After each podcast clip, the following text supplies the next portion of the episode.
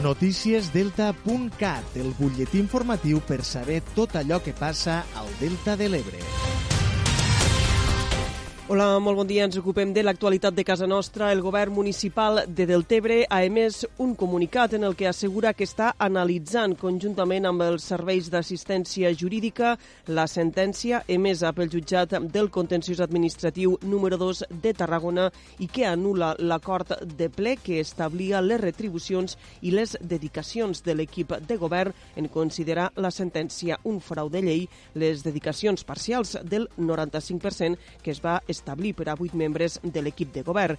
El govern municipal de Deltebre està valorant la viabilitat de presentar o no recurs d'apel·lació a la sentència, una decisió que anunciarà en els pròxims dies. El govern de Deltebre assegura que el model aprovat de dedicacions s'aplica en altres ens locals del país i diu que la decisió que acabe prenent prioritzarà els interessos de l'Ajuntament i també de la ciutadania. Escoltem Andreu Curto, que és el portaveu del govern municipal del l'Airem del Tebre.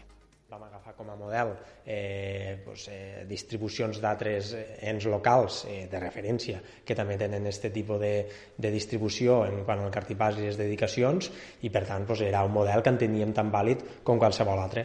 Ara, en aquesta sentència, pues, avaluarem quina és la millor resposta, sempre pensant, evidentment, pues, en els beneficis, en lo, en lo que sigui més beneficiós tant per a la institució, per a l'Ajuntament, com per a la ciutadania. El que sí que eh, volem deixar clar és que nosaltres en tot moment prenem els eh, acords pensant en benefici de la ciutadania.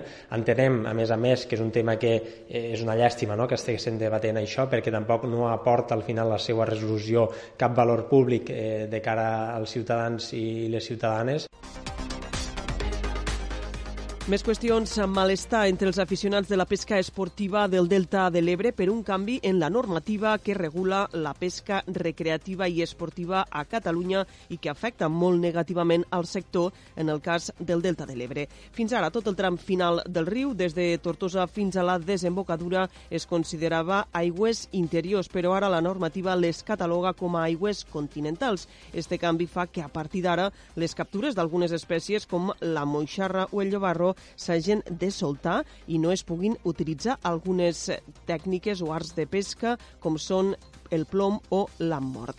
El president de la Societat de Pesca Esportiva El Fangà, Pepe Romanyà, ha assegurat que un dels seus objectius és entrar al Consell de Pesca de Catalunya per tal de poder canviar esta normativa. En principi, els nostres objectius, un dels primers i més importants, és entrar al Consell de Pesca per a poder regular anualment el reglament i canviar aquesta normativa que hi ha perquè és que el delta és, no té res que veure amb totes les aigües de Catalunya continentals, és, és un món a part. Aquí tot són, són, són espècies d'aigua salada, no té res que veure amb carpes o que sigui, a part que les carpes s'han de sacrificar en el moment i és molt diferent de tota Catalunya.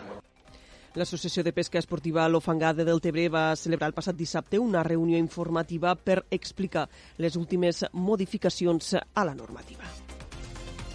I encara afegim que este cap de setmana tindrà lloc una nova edició de la plantada a Deltebre en el marc de les festes de l'arròs. La festa tindrà lloc novament a la finca de Bombita. Avui és el torn de la plantada escolar. Demà hi haurà una ruta literària per la finca de Bombita i diumenge tindrà lloc la festa de la plantada.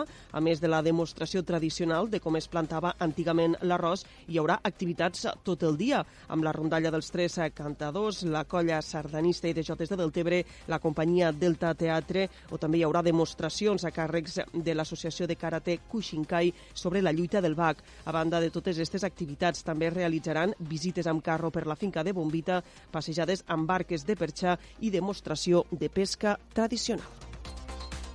A més a més, durant tot el dia també hi haurà un mercat artesanal i de productes típics, com també servei de restauració amb plats típics del Delta de l'Ebre. Això és tot eh, per ara. Ja saben, com sempre, que poden continuar informats a través del portal deltacat.cat.